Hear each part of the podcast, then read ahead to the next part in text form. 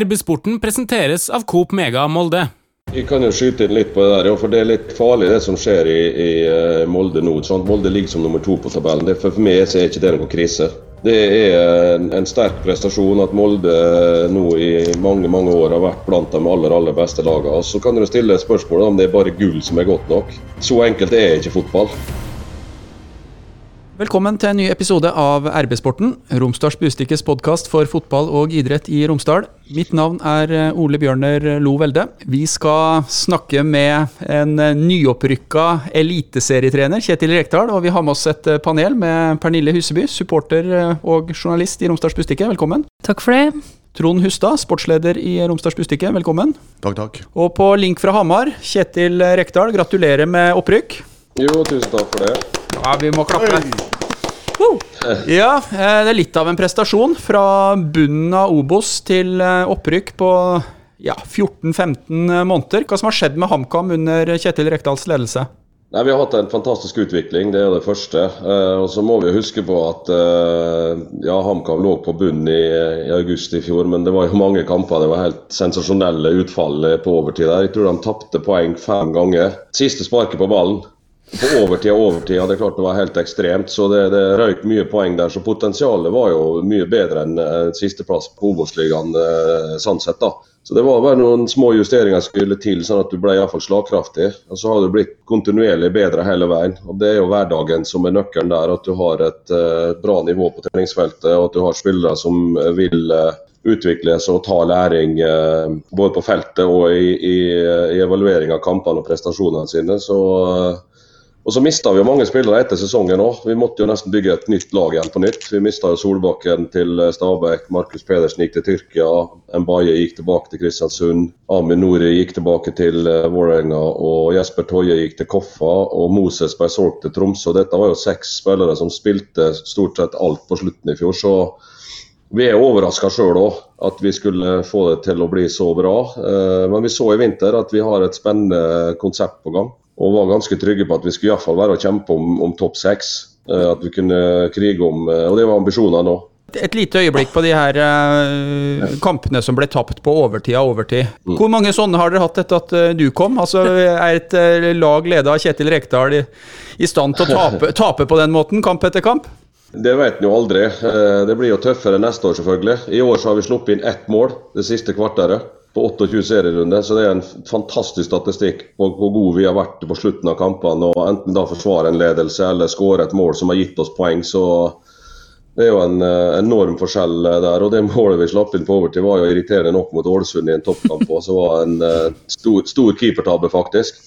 Så nei, Vi står kampene ut, og vi har en veldig godt innarbeida struktur på hvordan vi, vi skal spille. og vi spiller kampen som en er. Noen ganger så må du forsvare det ganske kraftig, andre ganger så kan du kjøre på. Så De er flinke til å, å, å lese kampbildet fra uh, ut på banen òg. Uh, selvfølgelig så får de jo uh, instrukser, men du skal jo utføre ut på banen. og Det er det viktigste. Du kan jo stå og rope så mye du vil hvis ikke spillerne forstår eller vet hva de skal gjøre, eller får til det de må gjøre. Så en smart gjeng. For Kjetil Rekdal, hvordan var det å ta løs på denne jobben? Du har jo hatt mange profilerte treneroppdrag både i Norge og utlandet, og så skulle du trene HamKam på bunnen av eh, Obos-ligaen i eh, ditt eget eh, nærmiljø, for du, du, bor jo på Hamar, eller Ottestad hvis jeg, hvis jeg husker rett? Ja, det, det, ble jo litt tilfeldig. Jeg hadde jo dialog med flere utenlandske klubber i februar og mars, og var jo egentlig på vei til å besøke to av dem. Eh, for å gå gjennom om du skulle ta noen av dem. Og så kom koronaen bang over huet på oss, og da forsvant alle disse mulighetene der. Og så gikk jo våren og sommeren. og det er jo sånn Når du er trener, så du trenger noen pauser innimellom. Og når du har hatt en pause, så begynner det å krible. Og når eh, du kan bo hjemme eh, og trene et lag som er fem minutter unna i den koronatida som var, så var det en enkel eh, avgjørelse å, å, gå løs på det. Men det er mye tilfeldigheter her. Jeg hadde nok ikke flytta til en annen plass i Norge for å ta et Obos-lag med tre poeng på ni kamper. Det hadde ikke gjort. Så det, jeg tror det var helt avgjørende at, at, de faktisk bor på Hamar for at de skulle ta den jobben. Hvordan er det? Hva sier de til deg når du møter folk i kassa på Kiwi på, på Ottestad, og du har brakt uh, HamKam eh, opp i Eliteserien? Nei, Det har gått fra å uh, spørre meg om vær så snill, kan du ikke ta over HamKam, til uh, fantastisk at du har tatt over HamKam. og Det er mye klapp på skuldra osv. Så, videre, så Det har vært gøy å, å se interessen som begynner å ta fyr, mer og mer. Det er jo en idrettsby. Du har jo topplag i, i håndball for kvinner, og du har topplag i, ishockey for herrer, og du har Elverum som ikke er så langt unna med kanskje helt i europatoppen og på håndball herrer. Så det er jo en, et område med stor fotballinteresse og, og annen interesse på sport. Da. Så det, det er gøy å se at det våkner sakte, men sikkert til liv igjen. Vi må kommentere litt denne her oppturen til Kjetil på Hedmarken. Eh, Trond, først er du overraska over at eh, Kjetil Rekdal ble mannen som tok eh, HamKam tilbake i eliten? Nei, det er jo ingen som kan være overraska over det. Jo, Kjetil var jo trener eh, lenge før han slutta å spille. Han var jo trente jo flere lag mens han var kaptein, både på landslaget og i Tyskland. Og så eh, altså den eh, kapasiteten der har jo eh, vært demonstrert flere ganger tidligere. Men det, jeg har faktisk jeg har notert noen stikkord før vi gikk, gikk på her nå. fordi at den prestasjonen her den fortjener en, en skikkelig hyllest. Dette her må jo være kandidat til prisen Årets trener uansett nivå eller nasjon, tenker jeg. Det er jo også en sånn formidabel forventning. da, At det er vanskelig å, å, å ta inn over seg at det går an. For jeg husker jeg snakka med Kjetil i, i juni i fjor. Eh, første dagen han var på tabelltoppen, eh, var vel etter Fredrikstad eh, 1-0. Eh, og Da trodde du ikke på det sjøl at dette her eh, kunne vare. Eh, sa du iallfall. Men så tok dere Sogndal etterpå, og siden så er det ingen som, som har snudd seg tilbake. Så det er klart at det, det som Kjetil har fått til med, med det laget som lå på sisteplass der og så helt, helt ferdig ut, det, det, er bare å ta av seg hatten for. Det er begrensa ressurser, det er masse spillere fra, fra lavere divisjoner der som plutselig ser ut som, som eliteseriespillere. Jeg tenker at de bare kan begynne å, å støpe sokkel nå eh, på Hamar og få opp ei statue der. for det hvis Jon Arne Riise kan ha sånn statue i Ålesund som heter fotballspilleren, så tenker jeg at Hamar kan ha ei eh, statue som heter fotballtreneren. Jeg skrev i en eh, kommentarartikkel i helga at uh, for meg så minner det litt om uh, det som Kjell Jonøvre gjorde i Molde i 2007-2008, og fram til han møtte Rekdal i cupfinalen i, i, i 2009. For jeg kommer jo fra Innlandet sjøl, og én ting er jo den her sportslige suksessen, men noe helt annet er jo at folk i ganske stor omkrets rundt Hamar prate positivt om HamKam. Og eh, Kjetil er jo ikke bare med oss i RB-sporten, han stiller på podkast på Lillehammer. Han er og prater med fotballklubber rundt omkring og, og ser eh, tredje- og fjerdedivisjonsfotball eh, på Indre Østland. Og det tror jeg er med å, å bygge en, eh, en, sånn nærhet til, eh, til folket, da. Som er mer enn bare en, en topplassering på tabellen. Det ble mye skryt. Ja, tusen takk. Men jeg tror det du sier der er utrolig viktig. At du har eh, eh, HamKam har jo hatt et rykte på seg som ikke har vært bare positivt. Eh, og det er klart at du, du, er helt avhengig av å ha nærmiljøet i ryggen. Eh, og det er klart Hvis du klarer å få frem noen lokale spillere, så sprer jo det en voldsom interesse. Altså Lillehammer er jo en samarbeidsklubb. og Nå driver vi og kjemper om hun skal rykke opp med andrelaget vårt eh, opp mot Lillehammer. Nå er Lillehammer som har eh, hånda på rattet. Hvis de vinner til helga med fire mål mot Valdres borte, så går de forbi oss på tabellen og tar playoffen. Og Det er viktig for oss, og det har Lillehammer skjønt òg, at vi er faktisk eh, veldig gira på å, å, få dem oppover i divisjonene, så vi kan ha flere gode fotballspillere på et høyest mulig nivå i, i nærmiljøet vårt. Da må vi faktisk bidra. Vi kan liksom ikke bare sitte og ta fra dem ting hele tida, vi må hjelpe dem. Og det, det, har folk rundt oss forstått nå, og da får du spredd det litt utover. og Da får du kanskje et indre Østland som er mye sterkere i bredden òg enn bare en toppklubb som sitter og graver fra, tar fra dem spillerne hele tida. De må få noe tilbake. Det var faktisk eh, disse åra der som du er inne på, Ole Bjørne, var vel den eh, tida der det faktisk var Molde og, og HamKam som drev rykte litt opp og ned i lag. Sånn at eh, da hadde jo HamKam vært oppe, eh, og kom jo opp igjennom. Men det var jo den eh, lille storhetstida som de hadde eh, i nyere tid. da. Så Med den kulturen og alt som ligger i, i historien der, så syns jeg det, det, er litt uh, tøft at uh, HamKam skal, skal, spille på Aker stadion igjen. Det var jo noen år hvor det var ganske sånn anstrengt forhold mellom eh, MFK-supporterne og disse her hvite og grønne. og Jeg skal ikke legge orda i munnen på deg, Pernille, men det syns jeg den gjengen fra Hamar skal ta størst del av ansvaret for. Um, ønsker dere HamKam opp i eliten, eller hadde dere gjerne sett at de hadde blitt på Obos-nivå?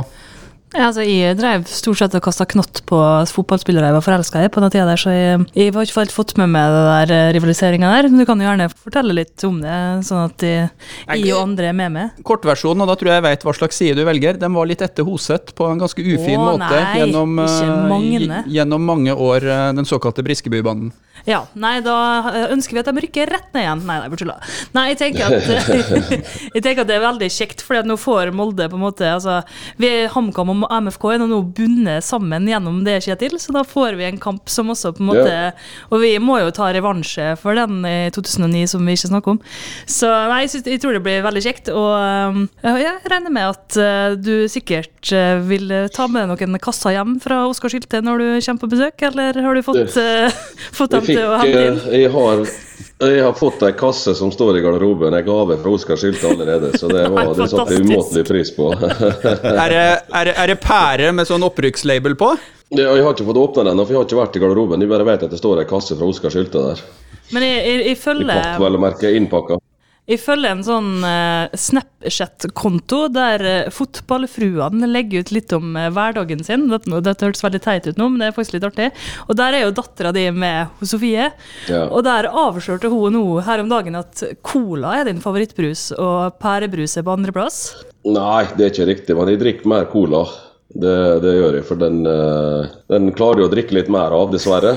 Pærebrusa er, den, den er best, men eh, du klarer ikke å drikke så, så mye. Så hvis det skjer ting på TV, eller det er Formel 1 eller en spennende ting, da, da går det litt for mye cola. For den går lettere gjennom. Vi ser på skjermen her nå i studio hos oss, Kjetil, at det er brunt i glasset ditt i dag. Er det cola du drikker nå? Det er faktisk cola jeg drikker nå.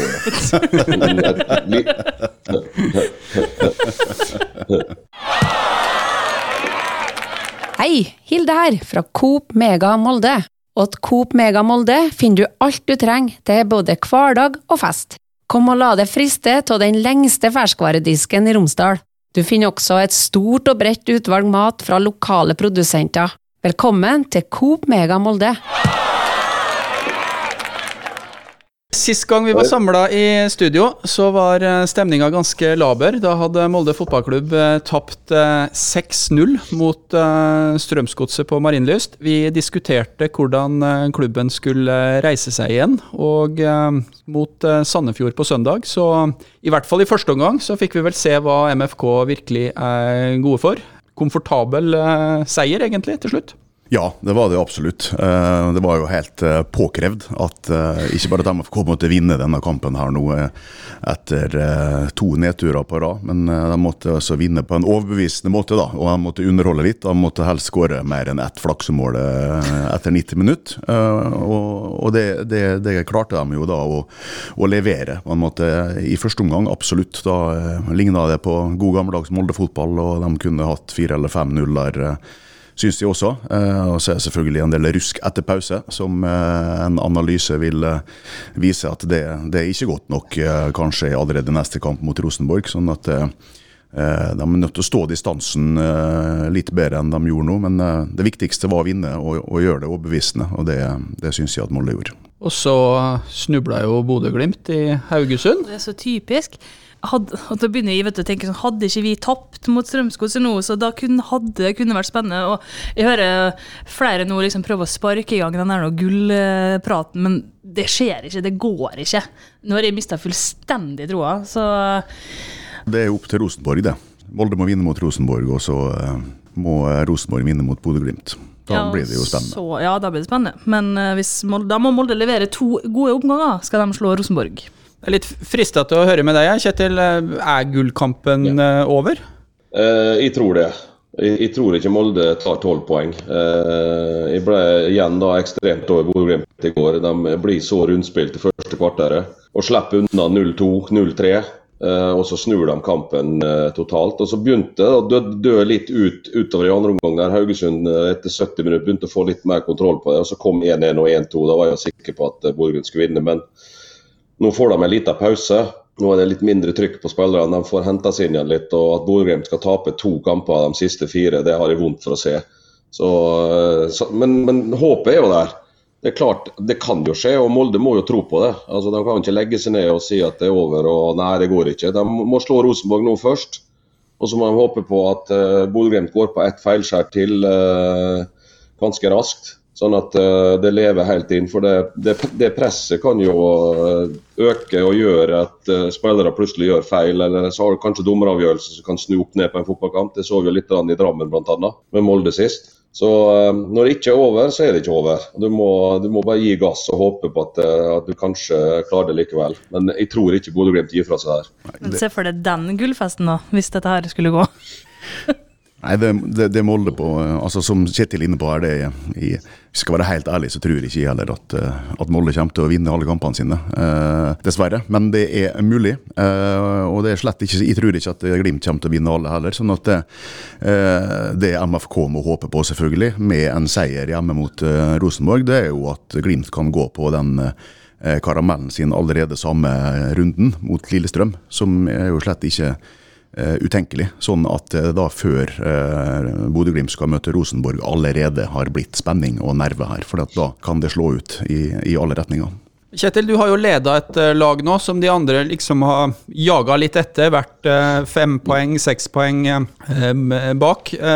Hvor, hvor trygg har du vært på at dette her opprykket skulle være i, i boks? og hvor mye, hvor mye, ser man seg over skuldra når man er i den situasjonen? At man har en, en sånn du har? Det, psykologi har en enormt viktig rolle oppi det her. Eh, vi har jo full kontroll på andre resultat, og noen ganger har vi spilt på resultat eh, for å ha kontroll på situasjonen og ikke slippe dem nærmere.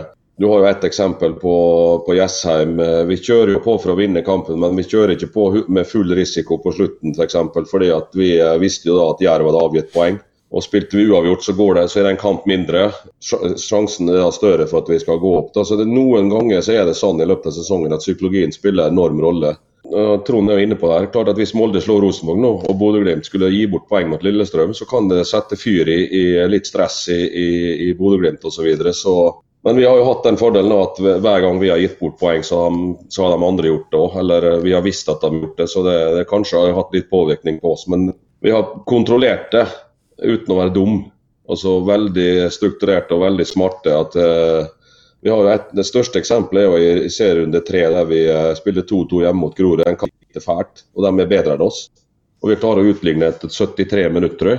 Da forventer jo alle at vi skal kjøre alt i angrep. men vi, vi, eh, vi valgte å spille en kontrollert siste 15-20 minutter for å sørge for at vi iallfall ikke tapte kampen. og Så skulle vi kanskje få et angrep eller to, så kunne vi kanskje stjele seieren. Men det var viktig å ta det ene poenget kontra å gå all in og så endte opp med å ryke. Vi skal ikke snakke mye om denne eh, Strømsgodset-kampen, men jeg tenkte jeg skulle kjapt innom ett uh, tema. For uh, etter et par dager, etter at vi hadde spilt inn den forrige, forrige podkasten vår, så kom det en beklagelse fra Molde fotballklubb på uh, Instagram og sosiale medier, hvor de la seg veldig flat. Hva tenkte du som supporter, Pernille, når MFK gikk til det skrittet og så tydelig beklage et, eh, et resultat som, eh, som, de gjorde? Jeg tenker at, mange, at det kanskje var etterlengta for mange. Eh, personlig syns jeg også umiddelbart at det var greit. Men så har jeg reflektert litt mer rundt det og faktisk lest hele greia. Og det er kanskje, det er kanskje litt for meget, som man kan si det. Jeg syns kanskje at det kunne vært halvert. Og det hadde ikke trengt å vært så veldig mye patos og følelser på den måten. Jeg skjønner veldig, veldig godt eh, at det har kommet litt reaksjoner rundt det, spesielt nå når vi hører at eh, det ikke nødvendigvis er slik at alle alle stiller seg bak det, da. Og det framsto det jo som om at alle gjorde i det brevet, så det syns jeg er litt rart, hvis de sender ut noe sånt uten at det er enighet om det, da. Ja, langt på vei enig i det du sier der. For det klart, så Taktisk sett så kan du godt skjønne at uh, ledelsen i MFK uh, sitter og vurderer hvordan de skal stå i den og håndtere den vanskelige situasjonen. altså Strategisk ikke en dårlig tanke å, å gjøre dette grepet her. Uh, det har jo blitt mer og mer vanlig. Kanskje i, i større liga så er det mer enkeltspillere sant, som ber fansen om unnskyldning hvis de har eh, leverte en pinlig kamp, f.eks. Så jeg, jeg syns ikke at det var en, en, dårlig tanke av MFK. Men det er jo åpenbart at det, dette må være skrevet av, ikke av fotballfolk.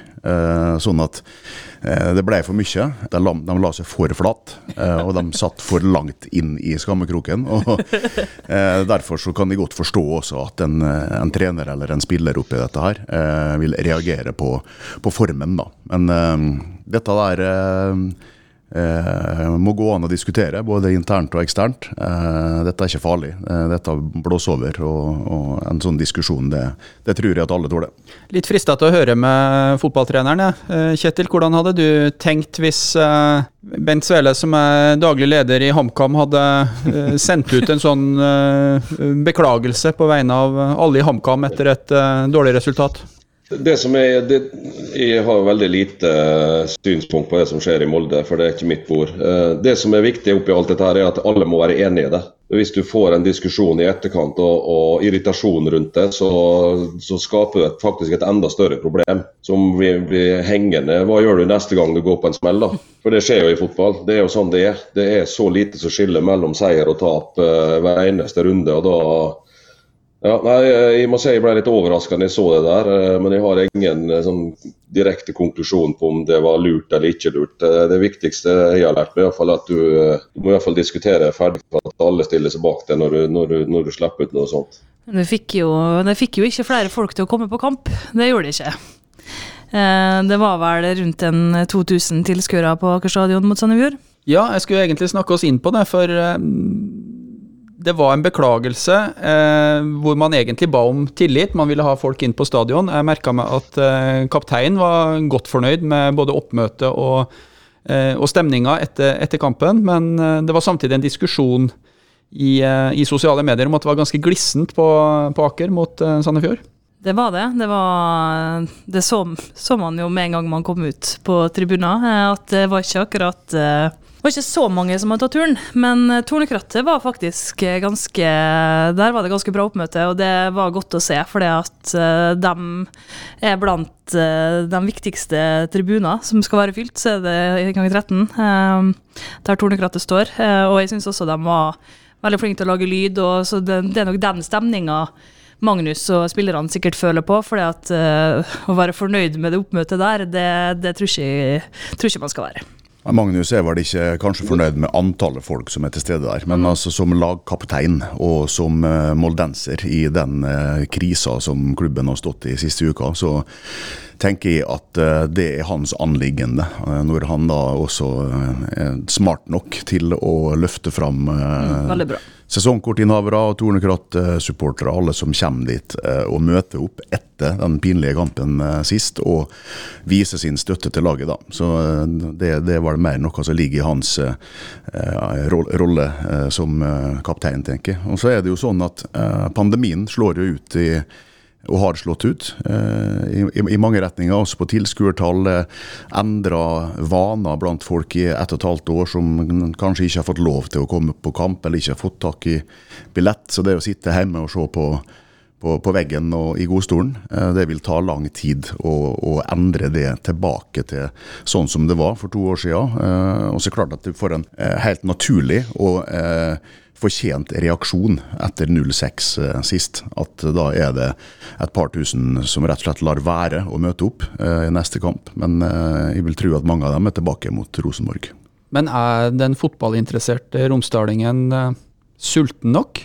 For det, man merker jo det altså når supporterne har lyst til å se fotball, så, så dukker de opp på, eh, på stadion. Så jeg lurer litt på er er den der sulten der? Jeg kan, jeg, kan jo, jeg kan, jo, skyte inn litt på det der, for det er litt, det er litt farlig det som skjer i, i eh, Molde nå. Molde ligger som nummer to på tabellen. Det, for meg er ikke det noen krise. Det er en, eh, en, sterk prestasjon at Molde nå i mange mange år har vært blant de aller aller beste lagene. Så kan du stille spørsmålet om det er bare gull som er godt nok. Så enkelt er ikke fotball. Du har andre lag som uh, har gode sesonger, og som kanskje klarer å finne en prosent eller to eller tre eller fire som gjør at du er litt bedre enn Molde. Molde solgte tre meget gode spillere i, i sommer. Det har svekka dem litt. Så det er litt farlig. og hvis at bare det å vinne er nok hele tida, da, da, blir det veldig fort negativt, en negativ aura rundt det. Og så kan man sikkert stille spørsmål hva er det reelle forventa tilskuerantallet i en litt mindre by som Molde er. da. Er det 3000, er det 4000, er det 5000, er det 6000, er det 7000? Altså, Hva er den normale forventa tilskuertallet? Um, det må, må tas i betraktning opp dette her. Klart, jeg skjønner jo det at mot Rosenborg så blir det mye mer. Det kommer sikkert masse folk fra Trøndelag òg. Uh, at du kanskje får til og med en fullsatt stadion. Så uh, ja, nei, det er mange utfordringer her. Men uh, du kan ikke sitte og være grinete når du ligger på andreplass. Altså. Det, det, det blir litt for drøyt for meg.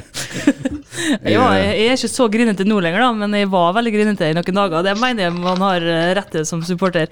Men jeg tenker at Sandefjord er ikke en motstander som drar så fryktelig mye folk i utgangspunktet. Da. Altså Uansett, om, uavhengig av et 6-0-tap.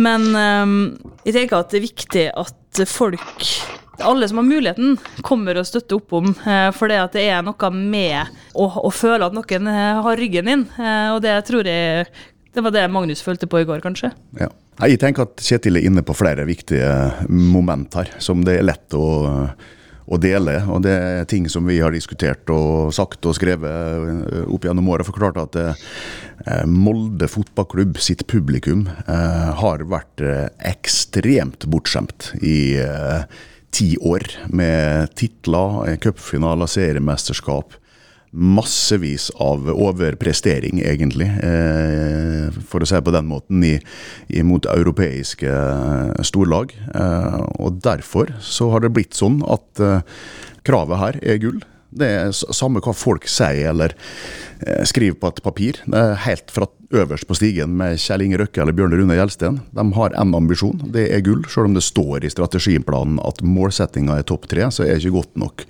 med bronse. Helt ned til grasrota med Pernille og alle andre fabelaktige supportere som går inn i hver eneste sesong, selvfølgelig, med ett krav, og det er gull. Alt annet er for dårlig.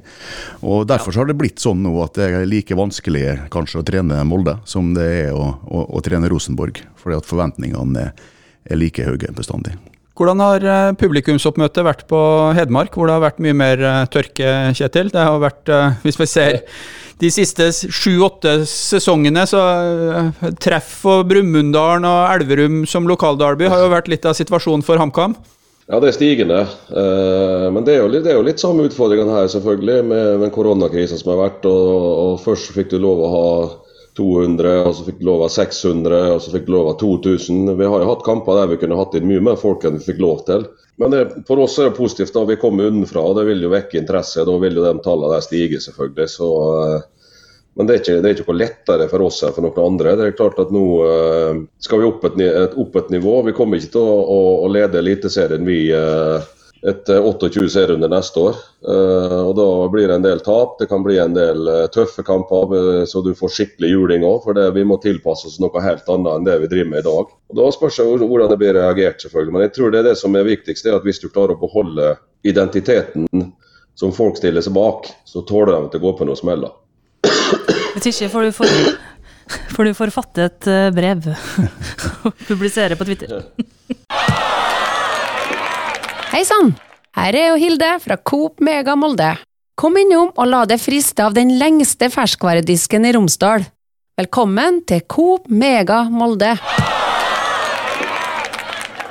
Altså, jeg vet at du har kontrakt eh, ut 2022, eh, Kjetil, og at du selvfølgelig planen din nå er at du skal være med opp eh, med HamKam i Eliteserien og, og følge den gjengen som du har satt i sammen der. Men det er klart at denne forvandlinga som du har eh, stått bak nå, den er såpass sensasjonell at den vil bli lagt merke til, ikke bare i Norge, men kanskje i utlandet, vil jeg tro, også blant folk som har fulgt med på det før. Eh, så kan du si noe om eh, hva du tror at denne prestasjonen her kan bety for trenerkarrieren på litt lengre sikt? Det er fryktelig vanskelig å svare på, for det er mye som handler om timing. Av og til veldig tilfeldigheter. Uh, Ole Gunnar er jo et godt eksempel på det. da. Det er sant, litt tilfeldig at han uh, fikk Manchester United-jobben i en setting som uh, kanskje ikke var andre trenere tilgjengelig, og så ble det Ole Gunnar som tok over for Mourinho. Så det, det, er jo det ekstreme av det. og Jeg syns det er utrolig artig å, å, ha en nordmann i Premier League. Så får han jo pryl stort sett fra alle hele tida som mener at de kan det bedre. Men Sånn er jo det. Så, så, sånn er jo dette her. Så det, hva som skjer, eh, det er helt umulig å svare på. For det, eh, det har med relasjoner å gjøre, og det har med tilfeldigheter å gjøre, og det har med, med setting, hvor du er, hva som trengs. Eh, plutselig så åpner det seg en mulighet som du kanskje tenkte var urealistisk. Men jeg har jo sagt det bestandig, det viktigste er å fokusere maksimalt på der du er. Og, jeg har alltid hatt den holdninga som trener at uh, for min egen del så tar jeg én dag av gangen. Du vet hvor sårbart, uh, eller sårbar posisjon du sitter i som trener. To tapere, så begynner alle å kalle deg for idiot, og alt er gærent. Vinner et par kamper, så er det som om du kaster dem gullegg etter det. Så det der, det der, snur så fort at uh, Men for den klubben du jobber for, så må du alltid tenke fremover i tid. Lenger enn én en dag. Eh, nå er Det eneste fokuset jeg har nå, det er å gjøre en skikkelig trening på onsdag med laget mitt. Eh, og Så får vi ta torsdagen etterpå. Men for klubbens del så er det klart at det er mye planlegging som pågår. Eh, så, som skal gjøre oss best mulig rusta til, til, neste sesong. Og det er klart Drømmen min om å komme utenlands en gang til, den er der. Uh, og Så får vi jo se om den muligheten dukker opp, da, om det er noe som, uh, som trigger og som passer både med familie og for meg sjøl og, og, språk og uh, trygge rammer. da. Altså det, jeg har trent nok klubber der du har drevet med nedskjæring og, og, og begynt på bunnen og måtte selge spillere og hatt ja, Lever vi neste måned, lever vi neste måned? Nå har jeg hatt det ganske stabilt i HamKam så jeg kom inn her der alt har blitt lagt til rette for sporten så langt som overhodet mulig med de ressursene, de, de mindre eller små ressursene som vi har i forhold til mange andre. Men vi har iallfall hatt en stabil og trygg hverdag, og det er viktig. Og Så får vi se hva som skjer. Jeg har heller aldri fått starta med en, en, potensiell toppklubb som skal gå fra å være en potensiell toppklubb til å bli en vinnerklubb. Der har jeg aldri fått lov å begynne. Jeg har alltid begynt på bånn. Så jeg håper at en dag jeg får den muligheten å kunne starte med et lag som er tippet som medaljekandidat og gjøre det til min gullvinner. Det, det, hadde vært gøy. Men da kan jeg stille deg et annet spørsmål da, som er vanskelig å svare på. Som vi har spurt deg om i 20 ja. år, så du kan ikke slutte med det nå. Kan det skje at eh, du blir Molde-trener en gang? Ja, Du kan ikke utelukke det, men det er jo ikke jeg som styrer. Det er vel andre som uh, sitter med hånda på rattet der. Da, da må det eventuelt dukke opp en, eh, en, henvendelse på et eller annet tidspunkt som vi må, må, ta stilling til. Det er det beste svaret jeg kan gi på det. Så lenge det ikke er Rosenborg.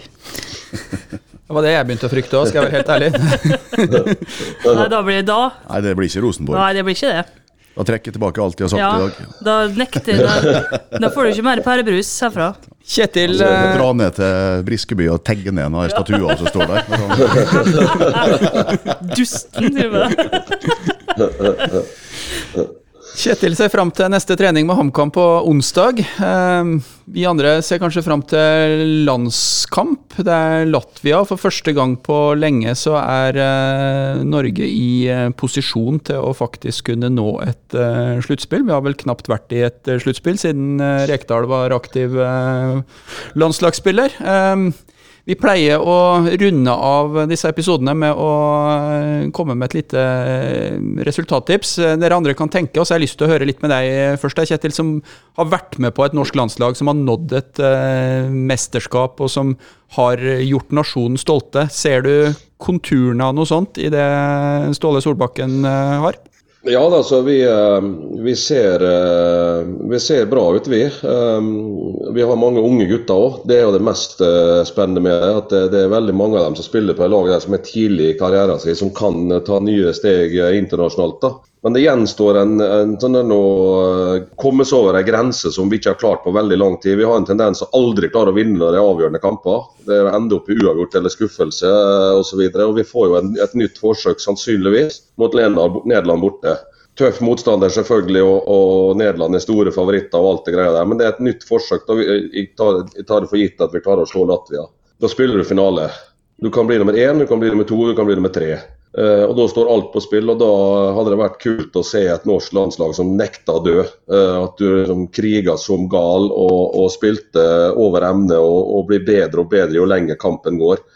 Og få frustrert et nederlandsk lag som, uh, som helt sikkert har presset på seg og er forventa å vinne osv. Så, videre. så det begynte jo litt med Lagerbäck. Han klarte å, å, stabilisere Norge, selv om vi ga fra oss noen poeng mot Sverige og, og Romania på Ullevål, som ble avgjørende til slutt. Så, så, var det en litt mer stabilitet der. og så Ståle kommer, Ståle kommer inn, eh, og det blir oppgaven hans å klare å knekke den eh, koden som får Norge til et mesterskap. Vi har iallfall et spennende lag på gang. Eh, og så har vi en veldig god trener på gang som lever med hud og hår for, eh, for Norge og, og spillerne sine. Så kanskje klarer å få frem de siste prosentene som blir avgjørende. I, i, eh, først og fremst nå i den kvaliken her mot Nederland, Latvia, og eventuelt kvalik. Hvis ikke han klarer det nå, så har vi prøvd med ganske mange. Ja, Vi får driste oss frampå med et resultattips. Vi trenger ikke å tippe den Latvia-kampen alene, men rett og slett, kommer Norge til VM? Klarer vi det den gangen her? Eh, Jeg, nei, jeg tror ikke det. Jeg, tipper at eh, det ikke går. Eh, Det kan godt gå bra mot Latvia, men eh, for å være helt ærlig så er jeg usikker på den eh, Nederland-matchen. og Det er litt avhengig av selvfølgelig eh, hvem som er på banen for Norge, da, og hvilken form de er i. Eh, Du har ikke så mange stjerner at du tåler å spille uten eh, flere av dem. Så Det er jo det som er, er ankepunktet, kanskje. da. Men Haaland eh, vil jo være, vært alfa og omega i en sånn kamp. da. Ja, men her har jeg ingen forutsetning for å mene noe som helst, så da skal jeg selvfølgelig mene noe. Jeg håper at Norge kommer til VM, da. Ja! Men Har du noen forutsetninger til vanlig, da? Eller hva som er Ja, den skjønte jeg kom. Den la jeg opp til sjøl. Bra vannglasset mitt var tomt, hvis ikke så hadde jeg fått det rett i trynet. Jeg så at du ble presentert som sportsjournalist, forresten, i en sånn Ja. NRK-reportasje. Jeg visste ikke at du var Nei, ikke jeg oppgradert dit. Og så i, i, i saken så ble jeg bare presentert som MFK-supporter. Så jeg nå er jeg blitt eh, supporterjournalist. Ja, men La oss gå til en uh, ekspert, da, i hvert fall. Uh, Kjetil, blir, kommer Norge til uh, VM? Jeg, jeg tror ikke det. Jeg tror ikke vi klarer å vinne i Holland uten, uh, uten Haaland. Det nesten det samme, men uh, Pling, pling. vi, kan, vi kan få hjelp av Montenegro. Er sikker på at Tyrkia klarer å vinne i Montenegro. Jeg er ikke så sikker på at Nederland gjør det heller, så det kan godt hende at vi leder. Eller er er likt i poeng, eh, eller ett poeng bak Nederland, eh, faktisk. Det er vel tre poeng imellom, ikke det? Nei, to. Eller er vi likt med Nederland? Jeg husker ikke altså Uansett spiller ikke rolle, da. Eh, Men eh, både, både Nederland og Tyrkia skal til Montenegro. Og det er ikke, jeg tar ikke det er for gitt at begge de to vinner der. Det kan hende at vi, eh, at vi kan få hjelp da i siste runde om vi skulle eh, ryke mot eh, Nederland. sånn sett. Så nei, det, Men det blir spennende iallfall. Og muligheten er der. Det er det viktigste. Ja, nå høres det ut som det er knyttetrening eller sånn fotball-SFO som begynner i bakgrunnen på, på Hamar her, men vi hører det fortsatt, Kjetil. Da har jeg gleden av å avslutte, og jeg har eh, litt eh, Jeg er inne i en god steam på å være litt optimist, så jeg tenker at eh, vi slår Latvia. Og så ble jeg litt gira når jeg hørte Rekdal legge kampplanen for Nederland, så jeg tror, jeg tror på et mirakel i, i Holland, sjøl uten Haaland. Så um, Norge når faktisk eh, VM, og så starter diskusjonen på hvorvidt de skal reise dit eller ikke. Kjetil Rekdal, tusen takk for at du eh, ble med oss eh, på link fra Hamar. Til alle som lytta, takk for eh, følget. Eh, nok en gang minner jeg om at dersom du abonnerer på Arbeidssporten der du abonnerer på podkast, så får du beskjed når en ny episode er klar. Hei, Hilde her, fra Coop Mega Molde. Kom innom og se vårt store brede utvalg av mat fra lokale produsenter. Vi har også gavepakker til den som har alt. Velkommen til Coop Mega Molde.